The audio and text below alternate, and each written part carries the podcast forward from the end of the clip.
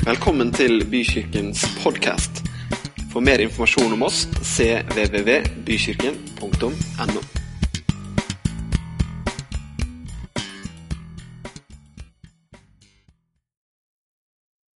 Jeg har lyst til å be en bønn. Jeg takker deg, Herre, for at du er her, som vi allerede har takka deg for. Takk for at du skal hjelpe oss å høre, Herre, og takk for at du er, eh, du er en Gud som eh, ikke bare ønsker å gi oss kunnskap, men du ønsker at vi skal oppleve det som du sier, Herre. Du ønsker at det skal bli åpenbaring, at, at vi ser noen ting, at vi føler noen ting, at vi opplever det som ditt ord snakker om, Herre, på innsida. Det ber jeg om, at vi skal få være sammen akkurat nå og få en sånn felles opplevelse, at du kan åpenbare noe inn i våre hjerter, Herre. Jeg takker deg for det. I Jesu navn. Amen. Ja, kjære venner. Jeg skal få tale i dag. Det er en stor glede, det. Eh, Jeg skal liksom, Nå skal jeg ikke somle mye, for jeg kjenner jeg har eh, mer å si enn jeg har tid til. Så jeg skal tale i dag, og tittelen er 'Enhetens grunnvoll'. Det er tittelen. Så kan du kikke litt på det bildet som er i bakgrunnen der, så kanskje du liksom ser at her er litt forskjeller og sånn. Eh, Jeg skal begynne en liten historie. Hadde, der jeg vokste opp, i hvert fall eh, ja, fra vi flytta inn i en gate da jeg var eh, tolv år. Der var det en kar som het Torleif. Han var eh, sikkert midt i 20-åra den gangen. Han hadde svart belte i karate. Bare det var jo skummelt og tøft i seg sjøl. Men så hadde han to bikkjer. Jeg vet ikke hvilket slag det var, men de var så høye, begge to. De var sorte, og de sto sånn, stort sett og flekka med tenna da, hvis du liksom gikk forbi der. og Hørte sånne der smålyder hele tida. Jeg, jeg har glemt hva de heter, da, men det, gjorde, det var noe vi stadig gutta i gata vi snakka om det. At uh, de bikkjene der, liksom, de, uh, de må du være forsiktig med. Men hvis du må i nærheten, hvis du må liksom inn i hagen der og hente en ball, eller, eller, eller et eller annet sånt nå, eller du treffer han med de bikkjene, da er det veldig viktig snakket vi om, at du ikke viser at du er redd. For det, det merker jeg med en gang. Og Hvis du viser at du er redd da, For bikkjer er nemlig sånn at de føler ting med en gang, og da gjennomskuer de deg. Så Jeg husker liksom det at Da når du skulle treffe de bikkjene, så gjaldt det å ikke vise at du var redd. da. Egentlig var jeg kjemperedd, og jeg var enda mer redd når jeg måtte vise at jeg ikke var redd. Eh, Ikke sant? Eh, Og de bikkjene gjennomskuer oss hele tida. Ikke sant? Og vi bare kom oss kjapt unna. Men eh, sånn er, Det er ikke for å senke oss alle ned på et veldig lavt nivå, men vi er litt som bikkjer. Skjønner du hva jeg mener? Vi føler ting veldig lett, gjør vi ikke det? Eh, kanskje, jeg vet ikke, jeg kjenner ikke alle. Men hvis du er her for første gang i dag, så er det sånn at eh, antennene våre er veldig langt ute ofte. Vi, vi vurderer ting, vi vurderer folk, og vi overvurderer ting noen ganger. Vi tenker kanskje ting om nye folk vi møter som viser seg ikke stemme i det hele tatt når vi blir litt bedre kjent med dem. Har du vært borti det? Jeg har i hvert fall gjort det et par ganger i livet. Og, men vi, vi senser ting, og veldig ofte så hjelper det ikke egentlig hva folk sier. Hvis de sier 'det er kjempehyggelig å se deg', men vi kanskje føler at de egentlig mener noe annet, så er det jo det som vi kjenner og føler, som er det som vinner. ikke sant? Sånn er det. Vi er sensitive på den måten der. Og det jeg skal snakke om i dag, det jeg har jo talt her noen ganger sånn opp gjennom det siste halvåret. Eh, litt, litt mer sånn personlige ting. Men i dag har jeg veldig lyst til, og det ligger veldig i hjertet mitt, å snakke litt sånn menighetsfilosofi, kirkefilosofi. Hvordan skal man tenke om det å være fellesskap? Det ligger meg veldig på hjertet, og det har jeg gjort i mange år, egentlig. Og jeg har i det her med å snakke om det. fordi at det jeg er opptatt av, og det jeg tror jeg kjenner nesten som et kall, det er at kirker og menigheter må være steder hvor det er plass til alle mennesker. Det må være steder hvor folk kan ikke bare høre ord, men de kan kjenne at her kan jeg høre til. Her kan jeg være hjemme. Her kan jeg ha et åndelig hjem. Og det hjelper ikke alltid hva vi sier, hvis ikke vi kjenner at det er sånn. Er du med? Tror du er på akkurat den måten sjøl? Og teksten som jeg skal bruke da, den kommer fra Paulus. og Etter hvert skal vi rote oss litt inn i Romerne 14. Men Paulus, han, han, eh, han var hedningenes apostel. Han var altså opptatt av de som ikke ikke hadde en jødekristen eh, eller en jødisk bakgrunn, skulle komme inn og få bli en del av Guds menighet. Og han, Derfor er han veldig opptatt av å undervise ganske mye om det. Hva er det som skal til da for at disse hedningene, altså de som er helt utafor det her med Guds rike, tankegang og Gud og Bibel og alt. Hvordan skal vi gjøre for at de skal komme inn, finne Jesus og få kirka som sitt åndelige hjem? Det var Paulus veldig opptatt av. Derfor ble han også kalt for hedningenes apostel. Og Jeg skal lese en liten tekst som vi skal ha med oss videre. Fordi at Nå er det en stund til jeg kommer tilbake til bibeltekstene. Men det her skal vi ha som bakgrunn. Det står i Romerne 14,4 hvor Paulus skriver som følger til menigheten i Roma i Italia. Hvem er du som dømmer en annens tjener? Om han står eller faller, er hans herres sak. Og han skal bli stående, for Herren har makt til å holde ham oppe. Et flott vers. og Det står der, så du kan liksom ha, ha med deg det videre her. I 2005 så ble Bykirken stifta. Og Fra starten av så valgte vi som den gang kjørte den prosessen, at Bykirken skulle være en del av pinsebevegelsen i Norge. Vi tenkte det ville være klokt at vi var en del av en større sammenheng. Pinsebevegelsen er eh, kanskje noen av dere som kjenner godt til. det vet jeg. Andre har kanskje ikke så nært forhold til den, men det er jo da en bevegelse som er litt over 100 år gammel. Og det artige nå er jo det at en del snakker om og jeg, jeg skjønner at man gjerne kan gjøre det, men man snakker om at vi må passe på å bevare pinsebevegelsen slik den var. Og Jeg vet ikke helt hvilket historisk tidspunkt de refererer til. men Kanskje det er 1920, kanskje det er 1915, kanskje det er 1910. Jeg vet ikke. Men det er et eller annet referansepunkt på at man må bevare pinsebevegelsen som det som var. Henger du med? Jeg skjønner at man kan snakke litt sånn, for det er gode ting å hente fra fortida. Men det artige er skjønner du, at han som grunnla pinsebevegelsen, han het Thomas Ball Barrett. Og han var ikke opptatt av at den framtidige pinsebevegelsen skulle bli bevart sånn som det var i 1915 eller i 1920. Han hadde et annet motto. Hans motto var 'fram til urkristendommen'. Det var hans motto. Så han sier det at når jeg ser framover så må jeg se bakover for å klare å se framover. Henger du med? Fram til urkristendommen. Han sa nemlig ikke 'tilbake til urkristendommen'. Han sa 'fram til urkristendommen'. Så han ønska å gå litt lenger tilbake. Han han ønska ikke at vi skulle stå i 1915. Takk og lov for det, tenker jeg. Nå skal jeg fortelle en historie. Og den er kanskje litt provoserende. Og det gjør jeg jo da med vilje, at når du blir litt provosert, så vet jeg at du kommer til å følge med videre.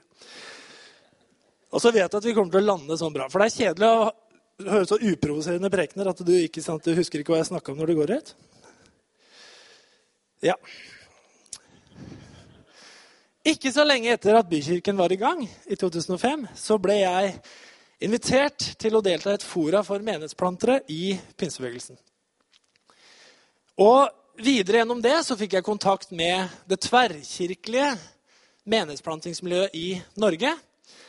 Eh, og jeg dro på og det vil si det at fra alle kirkesamfunn, jeg dro på en konferanse som var arrangert av noe som heter Dawn Norge. Disciple a Whole Nation.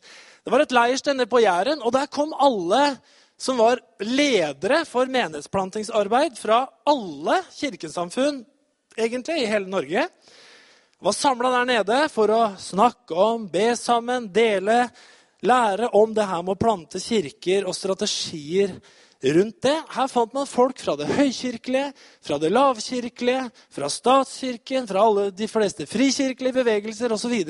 Vi var samla der. Noen av de som var der, er navn du ville kjent veldig godt. var kjente navn i Kristen-Norge. Og De hadde flotte historier å fortelle om alt som skjedde, og alle forsamlinger de hadde planta osv. Mens andre de var mer på tegnebrettet når det gjaldt det her. Et av de kirkesamfunnene som i Norge planta flest forsamlinger som kom opp og gå, og som bar god frukt, det var Frikirken i Norge. Luthersk, den lutherske frikirken i Norge. Og han som hadde vært plogspissen, som har stått i bresjen for det arbeidet, særlig på 80- og 90-tallet, planta Frikirken mange menigheter. En av de som eh, hadde stått i spissen for det, han var der. En veldig hyggelig fyr som hadde en raspende, rusten latter, og som stadig smilte og var utrolig hyggelig å bli. Hadde masse å lære bort og fortalte om mange menigheter som de hadde planta. En menighetsplantingsgeneral, kunne man tenke. Seminarer innebærer også pauser. Og jeg må si at jeg ble ørlite grann overraska da jeg en av de tidlige pausene gikk utafor inngangsdøra og fant denne menighetsplantingsgeneralen og et par-tre andre som sto og røyka. Det, det, det, må jeg innrømme at jeg blei. Men jeg tenkte, altså, personlig har jeg takhøyde for det. Men det var jo litt, uh, litt overraskende allikevel, for jeg reflekterte litt. Ut fra min bakgrunn da i pinsebevegelsen Disse fire-fem For en av de som sto der, sto for en av de mest dynamiske menighetsplantingene som var den norske statskirken i Rogaland på den tida der, som nådde utrolig mange nye mennesker med evangeliet så tenkte jeg litt Jeg lurer på om disse karene som hadde gitt livet sitt til det her i så mange år, og så noen som kanskje der de sto, representerte 15 nye menigheter, kanskje 20, sånn i hvert fall røftlig, og som kanskje da betjente mellom 1500 og 2000 mennesker med evangelie og kirkeaktivitet hver eneste uke. Jeg lurte litt på om de hadde sluppet til i min egen sammenheng. Sannsynligvis ikke. Hvorfor? Det var fordi de røkte. Det var liksom dagens lille provokasjon. da. Så da spør du kanskje hva slags innledning er det her? Skal du promotere at eh, folk skal begynne å røyke? da? Skal du promotere at det er greit, liksom, plutselig? Altså, la meg si det veldig klart. Jeg er helsearbeider nå. Hvis det er én ting jeg sier til ungene mine at de ikke skal begynne med, så er det akkurat det. Den største hyppigheten som folk dør av, av kreft, for eksempel, det er lungekreft. 85% av de som får lungekreft, det er pga. røyking. Det fins tusen gode grunner til ikke å gjøre det. Men det er to ting og perspektiver rundt det her. Det ene er at vi skal ikke la noe få makt over oss. Og det andre er at vi skal ta vare på kroppen som et tempel for Den hellige ånd. Så det her er ikke et forsvar for akkurat det. Men jeg vil at du reflekterer litt over det allikevel videre i historien. Er det greit? Refleksjon nummer to. Vi har hatt ca. 150 år med frikirkelighet i Norge. Og mye av det vi definerer innenfor frikirkeligheten, har vært knytta til vekkelses- og fornyelsesbevegelser. Ikke minst den karismatiske frikirkeligheten har tenkt at vi på en spesiell måte skal være hovedkanalen for at mange mennesker skal bli frelst. Altså naboen din og naboen min skal finne Jesus og dermed frelse. På P2 for noen dager siden jeg kjørte bil, så hørte jeg på P2, og der intervjua de en kar som nå er eh, prest eh, på Gjøvik, som heter eh, Gregers Lund. Han var med i noe som het Jesusvekkelsen og Jesusbevegelsen på tidlig 70-tall. De eh, så, hadde liksom hippiestil. Og de samla utrolig mye ungdommer, bl.a. i Trefoldighetskirken i Oslo, hvor de samla stappfulle hus uke etter uke, måned etter måned. Og de var radikale. Eh, de var ute på gaten og hadde møter i Oslo osv. Og, og man regner med at eh, de berørte kanskje 30 000-40 000 ungdommer som ble påvirka av det som ble kalt for Jesusbevegelsen på begynnelsen av 70-tallet. De traff en skikkelig nerve. Og det var et program hvor de intervjua han som var med den gangen i en gruppe blant annet, som hadde sånn masse kjente sangere og sånn, som het uh, Kari Hansa og Gregers Hes. Det var jo et artig navn. Jeg vet ikke om noen av dere husker det, men det er i hvert fall noe som het det. Men det ble borte. Det ble borte. Det ble jo ikke borte i den form at det ikke var noe frukt igjen. Det er klart det var mennesker som opplevde masse her, som levde videre med Gud. Men den bevegelsen ble borte. Og det har jeg tenkt så mye på at hvorfor er det sånn innen frikirkeligheten at ofte så når ting et kort høydepunkt, for så på en måte bare bli borte igjen? Hvorfor er det sånn at det er som om ting mister spensten sin og vitaliteten og livet, og så blir det liksom bare en kort periode, og så var det ut, og så kommer det noe nytt, og så var det ut, og så er vi med på en sånn derre bølgeridning på en eller annen måte. Trender det var noe som ble nevnt her akkurat eh, av Bent Ove. Det er et verslig uttrykk. Men trender det beskriver noe som er akkurat nå. Noe som vil vare en kort stund, og som alle vet vil vare en kort stund. Trender det er noe som er forbigående. Og idet en trend har etablert seg, så snakker vi gjerne allerede om hva neste trend kommer til å bli. Gjør vi ikke det? Vi har såkalte trendanalytikere ikke sant? som analyserer hvilken trend er det som er nå, og hvilken trend er det som nå kommer til å dø veldig snart, og hva er den neste nye trenden som kommer? Hva er den nye greia?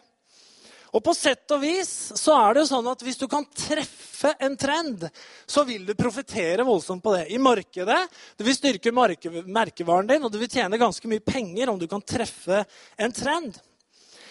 Men på sett og vis så er jo det her med trender også som en selvoppfyllende profeti. Man snakker ting opp, og man snakker ting ned. Vi får de rette folka til å snakke nok om noe, og så begynner flere å snakke om det, og så blir det en trend. Trender fungerer på den måten. Derfor er det jo sånn i dag at produkter, produkter har jo ofte sin kvalitet ut fra hvilken trend den treffer. Ikke at det f.eks. skal vare. Altså veldig mange produkter ja, de, Man vet når man lager det produktet, at dette må treffe trenden som er nå. Og Derfor så trenger det ikke å ha en kvalitet av holdbarhet. For det skal ikke vare så lenge. For vi vet at folk bytter ut produkter veldig fort fordi at eh, de vil være med på neste trend. Og Sånn sett så er det her med trender veldig motsetning da, til liksom det som Gud snakker om i sitt rike, at ting er uforanderlig. Ting er som de er, for evig. Gud, hos ham er det ingen endring. Hos ham er det ingen endring eller skiftende skygge. Han er alltid den samme. Så trender er jo liksom helt totalt motsatt av det her evige, uforanderlige. Eller hos ham er det ingen endring eller skiftende skygge, som det står i Jakob 1, 17. Men da vil noen si jo, men forandring altså Vi må jo ha kreativitet. Må, altså Uten kreativitet så vil jo liksom allting dø. Ja, selvfølgelig. Men så må vi forstå hva er det som skal være uforanderlig. Og det som er uforanderlig, det er Gud. Han er uforanderlig. Jesus er uforanderlig. Og Derfor så snakker Jesus og Bibelen snakker om menigheten som et hus som har en grunnvoll som heter Jesus Kristus. Og den grunnvollen den er ikke foranderlig i det hele tatt, for den er fullkommen. Den er bra som den er. Og så sier Bibelen at oppå den grunnvollen så skal vi få lov å bygge et hus. Og i det huset kjære venner, så må det gjerne være masse kreativitet.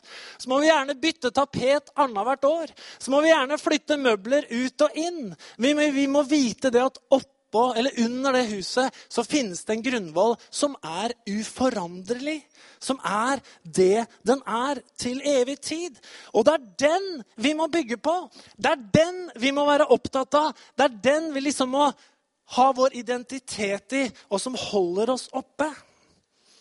Allikevel så kan det synes om om vi i kristen sammenheng mange ganger går i fella og ender opp som kristne trendanalytikere. Ved at vi er litt sånn smakspoliti i forhold til tapeter, lamper og sofaer i huset som er bygget oppå grunnvollen, istedenfor å hvile i denne grunnvollen. Som gjør at vi sier at det er ikke så farlig om vi ikke fikk den nye tapeten nå. fordi at det, det huset her, vet du, det holder. Det huset her, det står fast. Det huset her lar seg ikke rokke sjøl om vi liksom eh, gikk glipp av den siste lampetrenden. på en måte. Det går bra. Det går fint. Vi har plass til det.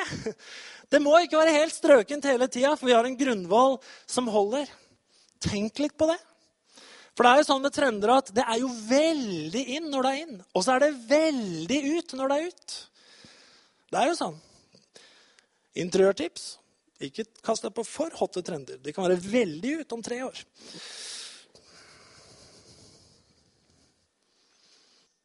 For da får vi noe som heter sjenerøsitet. Og nå skal jeg prøve å liksom komme inn på sporet mitt her. Sjenerøsitet. Det er en verdi her i kirka. Sjenerøsitet. Når er det vi trenger sjenerøsitet? Trenger jeg å være sjenerøs hvis jeg treffer en som er helt lik meg sjøl? Har samme interesser som jeg har. Ikke samme kone, men i hvert fall kanskje samme bil. Bent Ove for eksempel, og jeg vi har like biler. Altså, vi, vi har gjort det mange ganger, vi. Saab 95, altså. Det er sikkert mange uenige her nå, men Bent Ove og jeg vi snakker, Det er en bra bil, altså. Det er kjempe, og Vi er så enige om det, fordi vi har sånn bil. Sikkert mye ja, er det noen feil med det, sånn, men vi snakker sånn, snakker det opp hele tida. For vi er like da, på det. Og når du treffer folk som er like sammen med folk som er helt like som deg sjøl, så trenger du ikke være så veldig sjenerøs. Det er klart Hvis Katrine hadde fått lov å kjøpe bil på egen hånd, kanskje hun gjør det også, ikke vet jeg, men, eh, og hadde kommet hjem med Jeg skal ikke nevne merker, da, men det er kanskje enkelte merker jeg hadde reagert mindre positivt på. Det er klart at Da måtte jeg jo vært litt sjenerøs, da. Fordi at sjenerøsitet det trenger vi når vi møter noe som er annerledes enn oss sjøl. Er det ikke sånn? Det? Det er da vi trenger å være sjenerøse. Når vi må gi noe som vi kanskje ikke helt syns at folk fortjener, eller vi kanskje ikke syns er helt sånn berettiga, så må vi vise sjenerøsitet. Om folk er litt annerledes enn oss sjøl. Sånn sett kan vi si at ordet sjenerøsitet er det samme som nevnes blant det som Paulus snakker om som åndens frukt i Galaterbrevet 5, nemlig overbærenhet. Eller vi kan si raushet. Og det henger sammen med kjernen i evangeliet, som er nåde. For det er forskjell på å akseptere og respektere. Dette er viktig. Når vi aksepterer, så sier vi gjerne Det kan være litt sånn her at det er greit. Vi er forskjellige, og jeg kan, jeg kan akseptere at du tenker sånn, og jeg kan akseptere at du gjør sånn. Det, jeg får på en måte akseptere det. Men respekt, det er noe annet. Hvis jeg respekterer noen, så vil jeg si du og jeg vi er litt forskjellige. Men jeg vet du hva jeg har lyst til å si til deg? Jeg respekterer at du tenker litt annerledes om det. Jeg respekterer at du har en annen bakgrunn enn jeg har. Jeg ønsker å vise at du og jeg vi har helt respekt for hverandre. Det er ikke bare at jeg liksom aksepterer deg, jeg får vel godta, men jeg respekterer deg. Og vet du hva? Det er noe du og jeg merker. Det er om vi får respekt der hvor vi kommer, eller om vi bare blir akseptert. Og jeg tenker det at når Gud tar imot oss, så er det en fantastisk sak med det her som heter nåde. altså. Det er en utsletting av det her er dårlig med oss. Og så tar han imot oss helt og fullt, og så elsker han oss. Og Det syns jeg er utrolig fint. Og det tenker jeg at det må være noe av det her som reflekteres inn i et fellesskap òg. At det betyr ikke at alt er perfekt med oss. Det betyr ikke at alt er perfekt med de menneskene vi har rundt oss. Det betyr ikke at jeg er ikke en perfekt person, jeg. Jeg har mange feil. Jeg har mange mangler. Men du kan respektere meg allikevel. Du har kanskje dine feil, og sikkert mange feil, men jeg kan respektere deg likevel. Jeg kan ta deg imot akkurat sånn som du er. Jeg skal ikke bare akseptere det. Jeg skal respektere deg også. Menighetens uttalte mål i de fleste sammenhenger er i tråd med misjonsbefalingen. Så sier 'gå ut og gjør alle folkeslag til mine disipler', sier Jesus i Matteus 28. Altså, Jesus tror at det er mulig at det skal være plass til alle typer mennesker fra alle mulige folkeslag, fra alle mulige kulturer og alle mulige bakgrunner. At de kunne bli en del av kirken.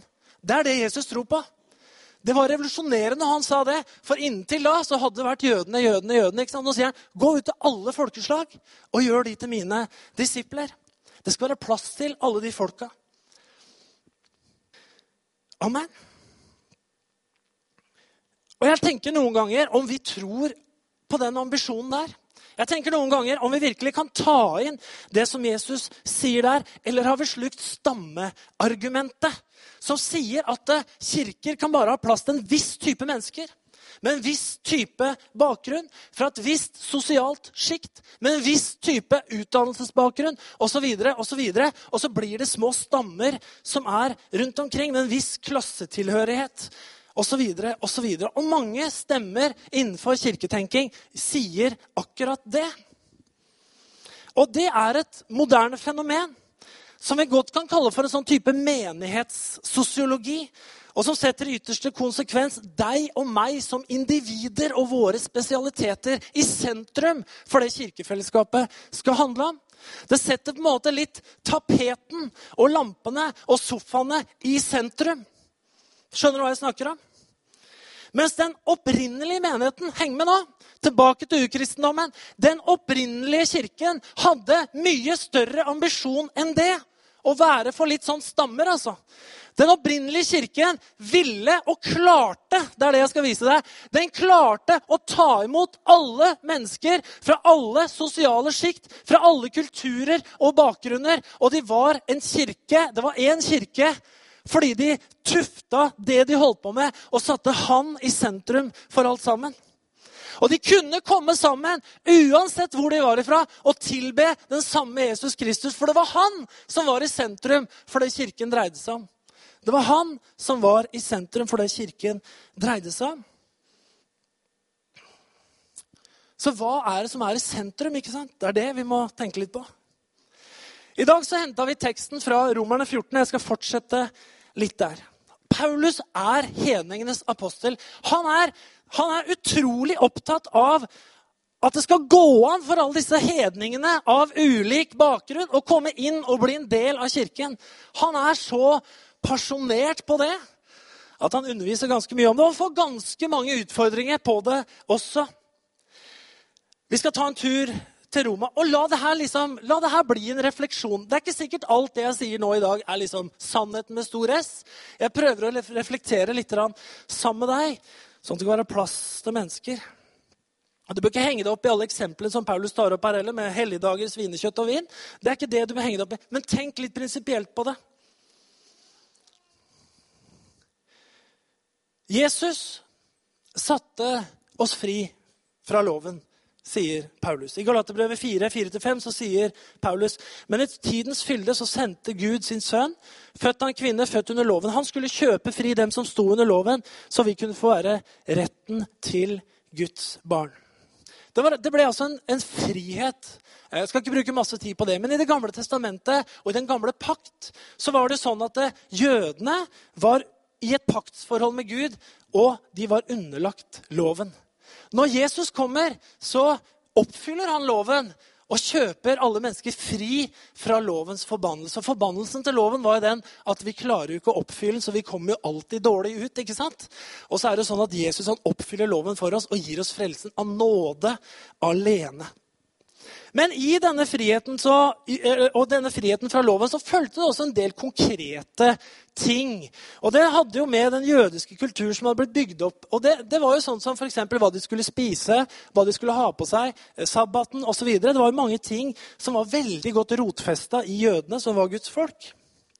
Mens når du får frihet, eh, så er det sånn at da må du jo ta mye større ansvar sjøl for å vurdere ting. Jeg mener, Hvis du bor, holdt jeg på å si, hvis du er i fengsel, så, så, vil det jo være sånn at du er underlagt et regime av regler som du bare må forholde deg til. ikke sant? Altså, Du trenger ikke å ta så mye ansvar for ja, når skal du spise. holdt jeg på å si. Altså, Det er mat klokka 13.45. ikke sant? Da spiser du. Du er under regler, da. Men når du kommer ut i frihet, så blir det at du må ta ansvar for livet, og du må ta ansvar for deg sjøl og du må ta ansvar for de rundt deg på en helt annen måte ut fra ditt eget liv. Og fellesskap, dere, det handler om å ta ansvar. Fellesskap handler om å ta ansvar for hverandre og for fellesskap. Fellesskap kan være utrolig oppbyggelig, og fellesskap kan være utrolig destruktivt. Det er ingen tvil om at det kan fungere på begge måter. Altså For noen mennesker så er arbeidsplassen det er det beste stedet de kan være. Der blir de bygd opp. Der får de energi. ikke sant? For andre så kan arbeidsplassen være det verste stedet de går på. Man gruer seg hver eneste dag, og man har ikke lyst til det hele tatt. For noen var skolen det beste som skjedde dem. Der fikk de venner. Der blei de bygd opp. Der liksom blei framtida forma osv. Mens for andre, som vi leser om i nyhetene, så er skolen det verste stedet som de har hatt.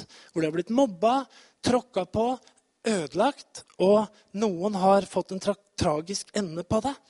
Og For noen så kan det også være akkurat det samme med kirke ikke sant? og med menighet. Det kan være det beste stedet de har kommet, hvor de har blitt bygd opp, de har fått venner, de har fått et framtid, de har fått et liv, de har fått retning i livet. Mens for noen så har kirke og menighet vært noe av det verste som har hendt dem hvor de ble desillusjonert, følte seg utafor, ble tråkka på, hvor de gjorde seg sårbare og ble såra osv. Fellesskap dere, det kan slå så mange veier ut ifra hvordan ansvar vi tar for hverandre i det fellesskapet. Derfor så fins det alltid utfordringer med å være et fellesskap. Så lenge vi er aleine, så får vi lite motstand og lite å bryne oss på. Men i et fellesskap så vil det være mange ting vi er nødt til å forholde oss på. Det kan være både positivt og det kan være destruktivt. Og Noen ganger så spør vi hvorfor er folk som de er. Hvorfor gjør de som de gjør? Hvorfor føler de som de føler? Og alle vet at Jeppe drikker, men ingen spør hvorfor. ikke sant? Og det er sånn vi er litt noen ganger. Vi alle vet jo at han er sånn. Alle vet at hun er sånn. Men vi spør kanskje ikke alltid hvorfor er de sånn. Noen ganger så ser vi på enhet.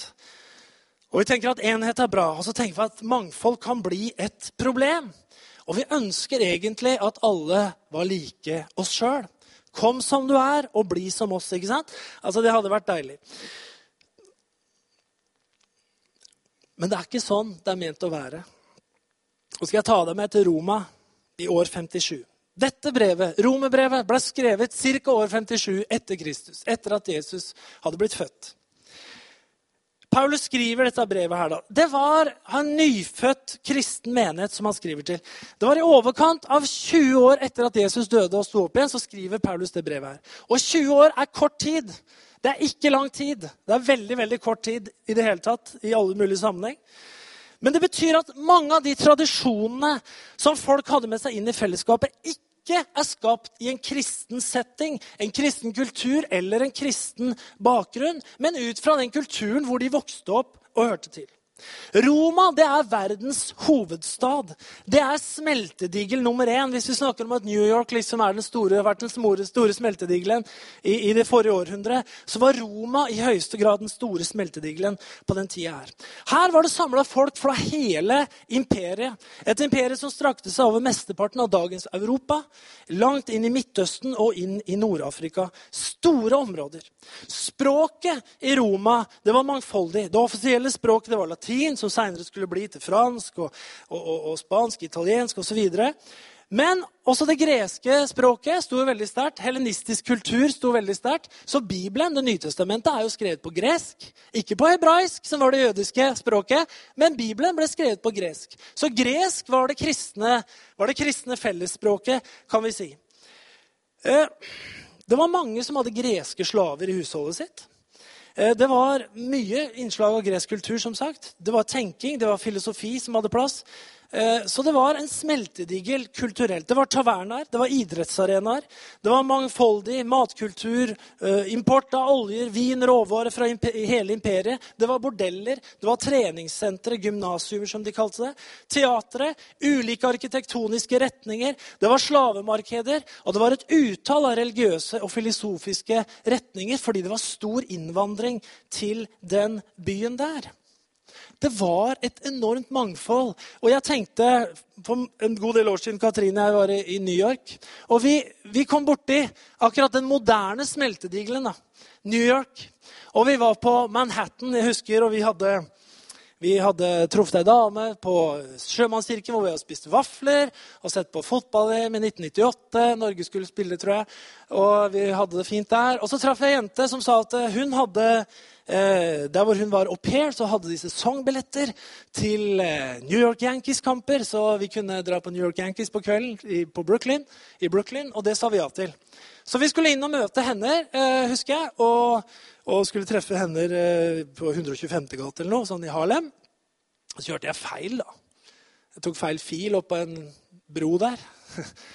Så vi kom litt gærent, kan du si. Vi kom opp i 100 170. gate eller noe sånt. Det var Spanish Harlem. Og der var det sånn Halvparten av huset hadde ikke vinduer, og det var veldig skummelt. da, Så jeg fikk masse sånne detektive assosiasjoner med en gang. oppi der, Så vi tenkte hva gjør vi nå? Vi låser i hvert fall dørene og kjører sånn pent og forsiktig nedover her. Og prøver å komme oss helskinna ned, nedover her. Og så traff vi hun jenta, da. Men så fortalte hun det at eh, det tar ca. ti minutter ikke sant? hvis du kjører denne den hovedveien langs Manhattan og kjører gjennom hele. Så sa vet du at her oppe Det gikk jo bra, det, sa jeg. Ja, men der oppe bor de spansktalende, sa Og her bor de African Americans bor i det området her, og så skal vi kjøre litt nedover. Så kjørte vi nedover Broadway, så kom vi ned til 110 12. gate. Der ligger Columbia University. Så sa jeg se nå, sa her, her begynner det å komme hvite. Og det gjorde det. Fordi at Columbia University har kjøpt opp en to-tre kvartaler her for å ha sånn buffer sone imellom, for det er mer kriminalitet rett her oppe.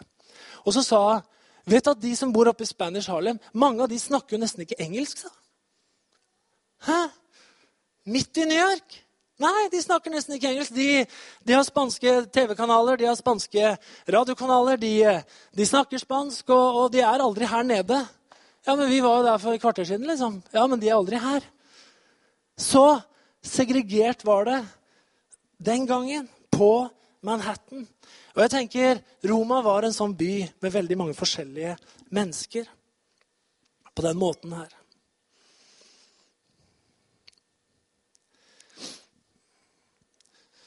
Så hvordan skulle de leve sammen som kristne når de var så ulike?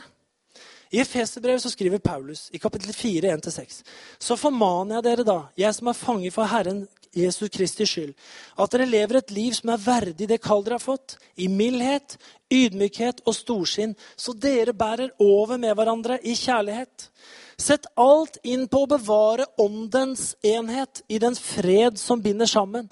Én kropp, én ånd, slik dere fikk ett håp da dere ble kalt til én Herre, én tro, én dåp, én Gud og alles Far, Han som er over alle og gjennom alle. Enheten handler altså om å være samla rundt det grunnleggende. og bevare det grunnleggende. Lev verdig. Hva er det å leve verdig? Jo, han sier 'bær over med hverandre'. Og som jeg sa i stad, å bære over med mennesker, det er det man må gjøre med mennesker som ikke er feilfrie, eller mennesker som er litt annerledes enn oss selv.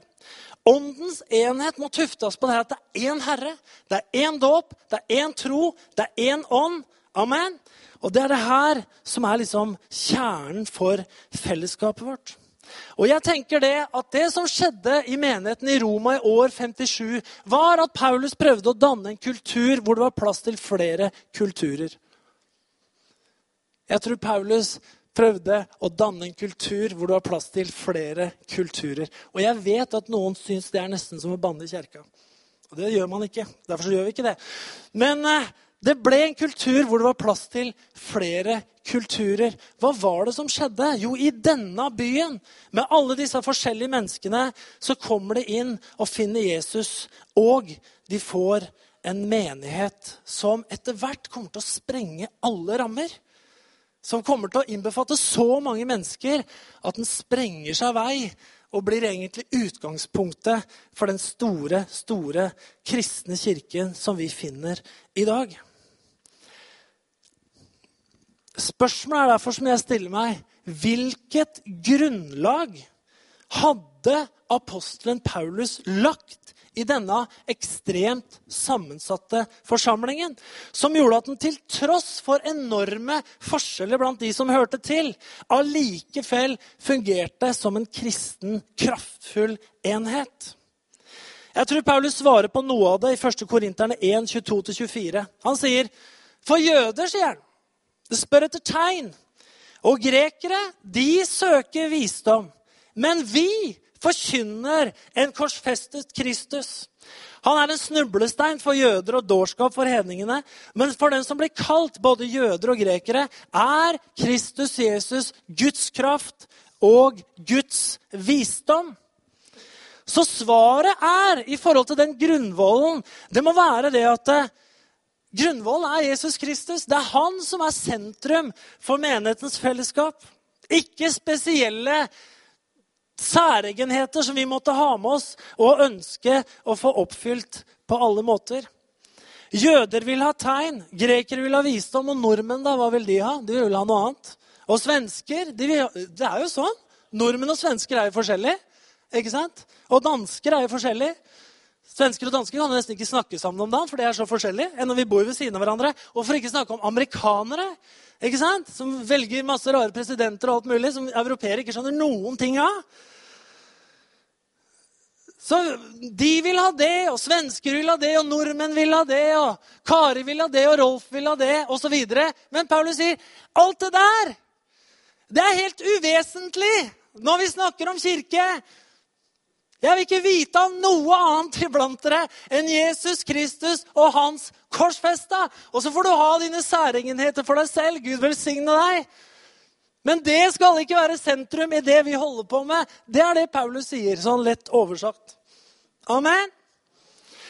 Så i Romerne 14, hvordan kan italienere som liker pizza, vin og olivener, og som blåser i helligdagen og sabbat, fungere sammen med jøder som ikke spiste kjøtt, ikke drakk vin, og som dessuten var veldig opptatt av sabbaten?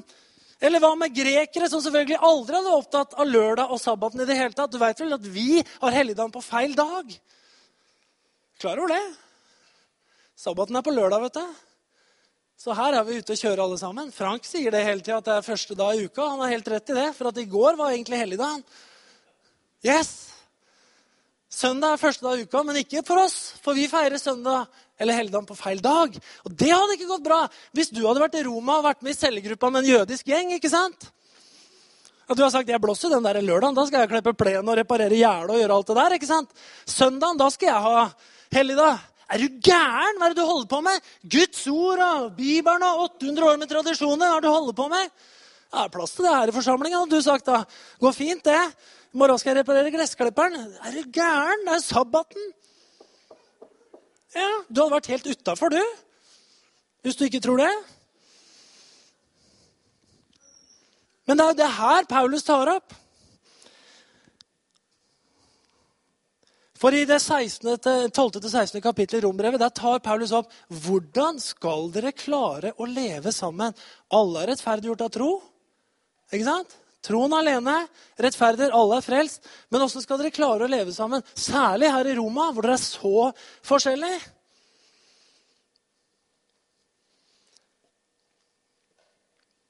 Hvordan skulle de gjøre det her, da? Hva med de som hadde vært under loven? Det var mange av dem jøder som ble kristne. Hvordan ville de reagere når det plutselig ble frihet? Ble det lovløshet og tøylesløshet etc.? Og sånn skulle det her bli. Peter Jeg skal snart slutte nå. Men Peter, han, eh, han var mye sammen med Jesus. Han var veldig mye sammen med Jesus. I tre år så levde han tett på Jesus. Og når Jesus døde, så hadde jo skjedd store endringer i Peters liv. Han hadde banna på at han ikke kjente Jesus. Han hadde møtt Jesus etter oppstandelsen. Han hadde fått gjenopprettelse. Jesus hadde spurt ham, elsker du meg. Tre ganger. Han svarte ja, det gjør jeg. Han fikk gjenoppreisning. Og han blir on fire for å fortelle om han som har stått opp fra de døde. Så kommer det til denne misjonsbefalingen, hvor hvor Jesus har sagt at nå skal dere gå ut nå til alle folkeslag, alle, alle typer folk, alle stammer, alle språk, alle, alle mulige rare folk. altså Alle skal få høre evangeliet. Og så kommer det til det at det er en fyr som heter Kornelius, som lurer på det her med Jesus. Får beskjed om at du skal sende noen tjenere. Skal gå til et visst hus, og der er en fyr som heter Peter. Og han skal du sørge for å få besøk, for han skal forklare det her med evangeliet. Han skal forklare det her med Jesus. Så Kornelius han sender sine tjenere. Peter er samtidig hjemme. Jeg tror han er hjemme i hvert fall. Og han er oppe på taket for å be. Han skal be til Gud. Og så vet jo Gud det at nå er det like før Peter skal over til en italiener og fortelle om evangeliet. Fortelle om meg. Og så visste Gud samtidig det at Peter kommer til å få kjempeproblemer han, med å ta turen over til huset til han italieneren. For det har han jo, aldri drevet og snakka med sånne folk. For det er jo hedninger og urein og gjør alt mulig rart. Så Gud, han, eh, mens Peter ber, så senker Gud plutselig Det er ganske spektakulært. Tenk over det. Altså, Det kommer en duk ned fra himmelen. Det er ganske heftig. Jeg prøver, liksom, jeg prøver alltid å sette meg inn i at det skjer i virkeligheten, for det skjedde jo i virkeligheten. Og det kommer da en duk ned fra himmelen, masse, masse dyr og sånn. Og Gud sier da jeg ser for meg, Det er stemmer fra himmelen og greier. Slakt og et, ikke sant? Og Peter ser på de dyra. Han kjenner igjen alle sammen, men det er urene dyr. Masse, altså Ting som var forbudt å spise da, i Det gamle testamentet. Og, og, det er jo helt utrolig at Peter har frimodighet og liksom bare ta igjen. Nei! Jeg kan jo ikke det! Dette er Gud. Du må skjønne at det her er ureint for deg. Eller for meg, eller jeg er litt forvirra her nå. Men det er feil. Kan ikke spise det, da blir jeg uren. Slakt og et. Det er mulig han bare OK. Og så kommer disse tjenerne og sier de er fra Cornelius' hus. Italieneren. høvedsmannen.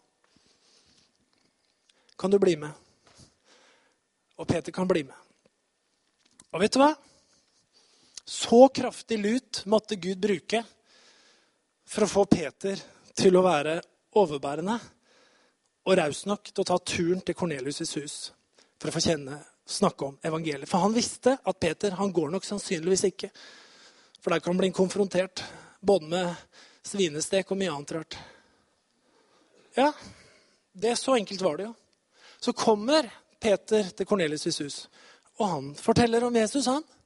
Og så skjer jo det litt uh, uventa for han, at alle masse folk der begynner å tale i tunger når de ber.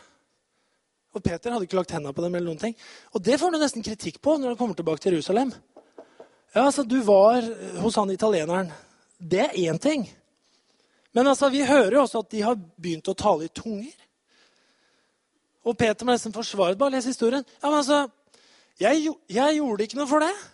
Jeg la ikke, jeg la ikke hendene på det. Det bare skjedde det bare skjedde liksom mens jeg var der. Det, det, altså, det var Den hellige ånd, jeg, og jeg spurte ikke Den hellige ånd om å gjøre det engang. Det bare skjedde. Jeg beklager, altså. Ja, for det her skulle jo egentlig ikke ha skjedd. Ikke med italienere som spiste svineribbe. Veldig rare greier. Hva er det Gud holder på med? Det var misjonsbefalingen da, som Gud måtte liksom hjelpe til litt med å få i gang. Kan vi si.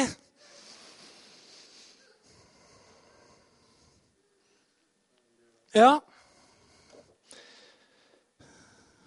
Jeg skal hoppe over litt, men uh, her er litt artig en. Romerne 14, 4-8. Hvem er du som dømmer en annens tjener? Forresten, hvem er du? Om han står eller faller, det er Hans Herres sak. Og han skal bli stående, for Herren har makt til å holde han oppe. Tenk på det. Én gjør forskjell på dager, og en annen dag holder alle dager for like, skriver Paulus. La enhver være fullt overbevist om sitt syn.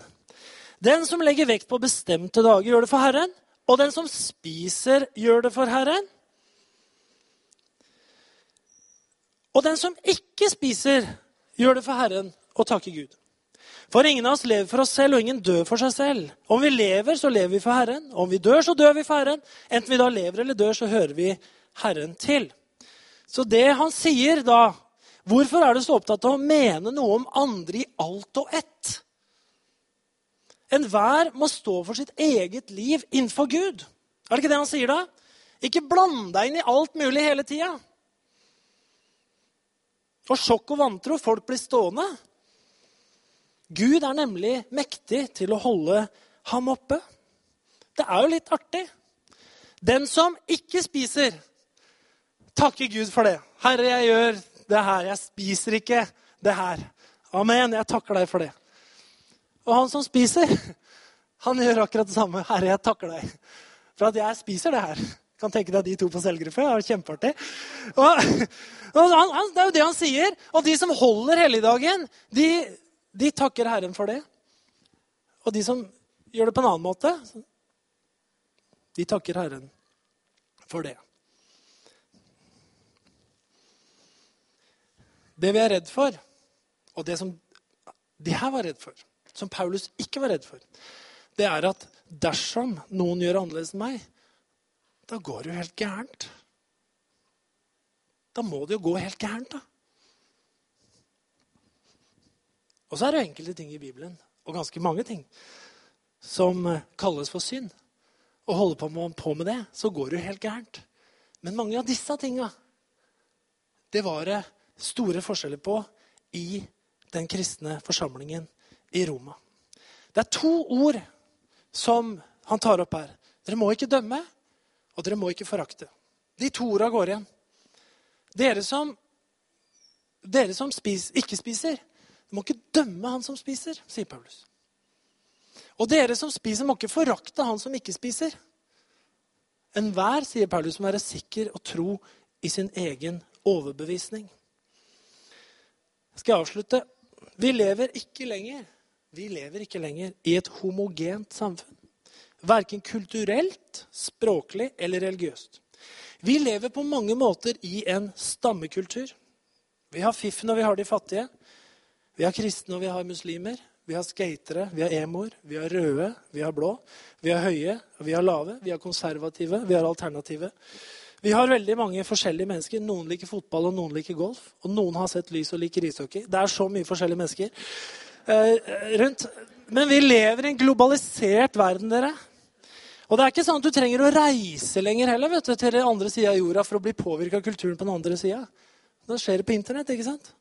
Det er veldig mye forskjellig. Men den her ambisjonen og den virkeligheten som fantes i menigheten i Roma, hvor det var så mange forskjellige mennesker som kunne ha et åndelig hjem sammen, det syns jeg er utrolig fascinerende. Men da må menigheten være opptatt av det her sentrale. Og det er Jesus Kristus. Det er at Når vi kommer sammen, så tilber vi Han. Og det fellespunktet der, Han, det er mye sterkere enn alt annet. Det er mye sterkere enn alle små forskjeller som måtte være med de forskjellige. Og jeg tror, da Dette, dette er min personlige overbevisning, kanskje jeg har feil, men min personlige overbevisning er at en moderne menighet i dag, i tiden, der må folk som er fra ulike stammer og kulturer, for å bruke det uttrykket, de må kjenne det. vet du hva? De må kjenne at jeg tar imot dem. De må kjenne at du tar imot dem. De må kjenne at her kan jeg få lov å være hjemme, og jeg kan være meg sjøl. Og så tror jeg på at Helliggjørelse er et indre arbeid som gjøres ved Den hellige ånd. Det tror jeg veldig på. Og Derfor skal vi ikke være så nervøse for det. Amen. Og jeg har lyst til å si til deg Jeg kjenner ikke alle som er her. Men om du er her i dag, så føler jeg at det er helt fremmed for meg å tenke kirke og menighet. Det er helt fremmed for meg å liksom være i den båsen der. Så la meg fortelle. Jeg tror ingen her ønsker at det skal være en bås, annet enn at det er Jesusbåsen. selvfølgelig, At vi tror på han. Det er det, ikke sant? Men det skal ikke være noe sånn at ikke du kan komme som du er til Jesus. Du kan komme akkurat som du er til Jesus. Og han tar imot deg. Han, han tok imot meg, nemlig. Så jeg er helt sikker på han kommer til å ta imot deg òg. Og det gjør han. Betingelsesløst. Full av nåde. Og skal du få kjenne det. Herre, jeg takker deg for at du eh, vil lære oss å kjenne deg, men du vil også lære oss å skjønne litt av hvordan vi kan leve med hverandre, Herre. Og Herre, jeg har snakka mange ord denne her, de minuttene jeg holdt på, men Herre, om det var noe i det som du ønsker å lyse ekstra sterkt opp inni menneskers liv, så be om at du gjør det, Herre, akkurat nå. Ja, det ber om at du lærer oss å være i den rette sona i forhold til misjonsbefalingen her i 2016, Herre, sånn at vi kan nå de forskjellige menneskene, og at forskjellige mennesker kan kjenne at det er plass i kirken også til meg. Det er plass i kirken også med det jeg har med i min bagasje. Jeg takker deg for det, Jesus Kristus. Kan ikke vi bare be ett minutt her til? Jeg har bare lyst til å at vi skal bare rette liksom eh, blikket vårt litt på Herren. Og jeg, kjenner også det at jeg har lyst til å be en bønn kanskje for deg som kjenner at eh, du har lurt litt på det her. Er det plass til meg? Er det plass til meg i en menighet? Er det plass til meg i en kirke? Passer jeg inn? Og jeg håper at alle rundt deg kan eh, fortelle at det er det. Men jeg håper at du kan kjenne at Gud sier til deg at det er plass til deg. Uansett hvilken historie du har. Uansett hvilken bakgrunn du har, så er det plass til deg. vet du. Jeg takker deg, Jesus, at vi kan be også for det. Om det er mennesker i dette rommet som har kjent seg utstøtt, som kanskje har blitt utstøtt av et fellesskap, Herre. La dem få kjenne det. At hos deg, Herre, så er det nåde nok. Hos deg så er det plass nok. Hos deg er det veiledning nok. Hos deg så er det absolutt nåde til å komme sånn som vi er. Jeg priser deg for det, Jesus. Om noen er i den båsen, så vil jeg at du skal bare takke Herren der du står akkurat nå, for at du er velkommen. Og kjenne det. At du kan komme hjem. Hjem er hos Gud, men hjem er også i Guds menighet. Jeg takker deg for det, Takk, Jesus Kristus. Amen.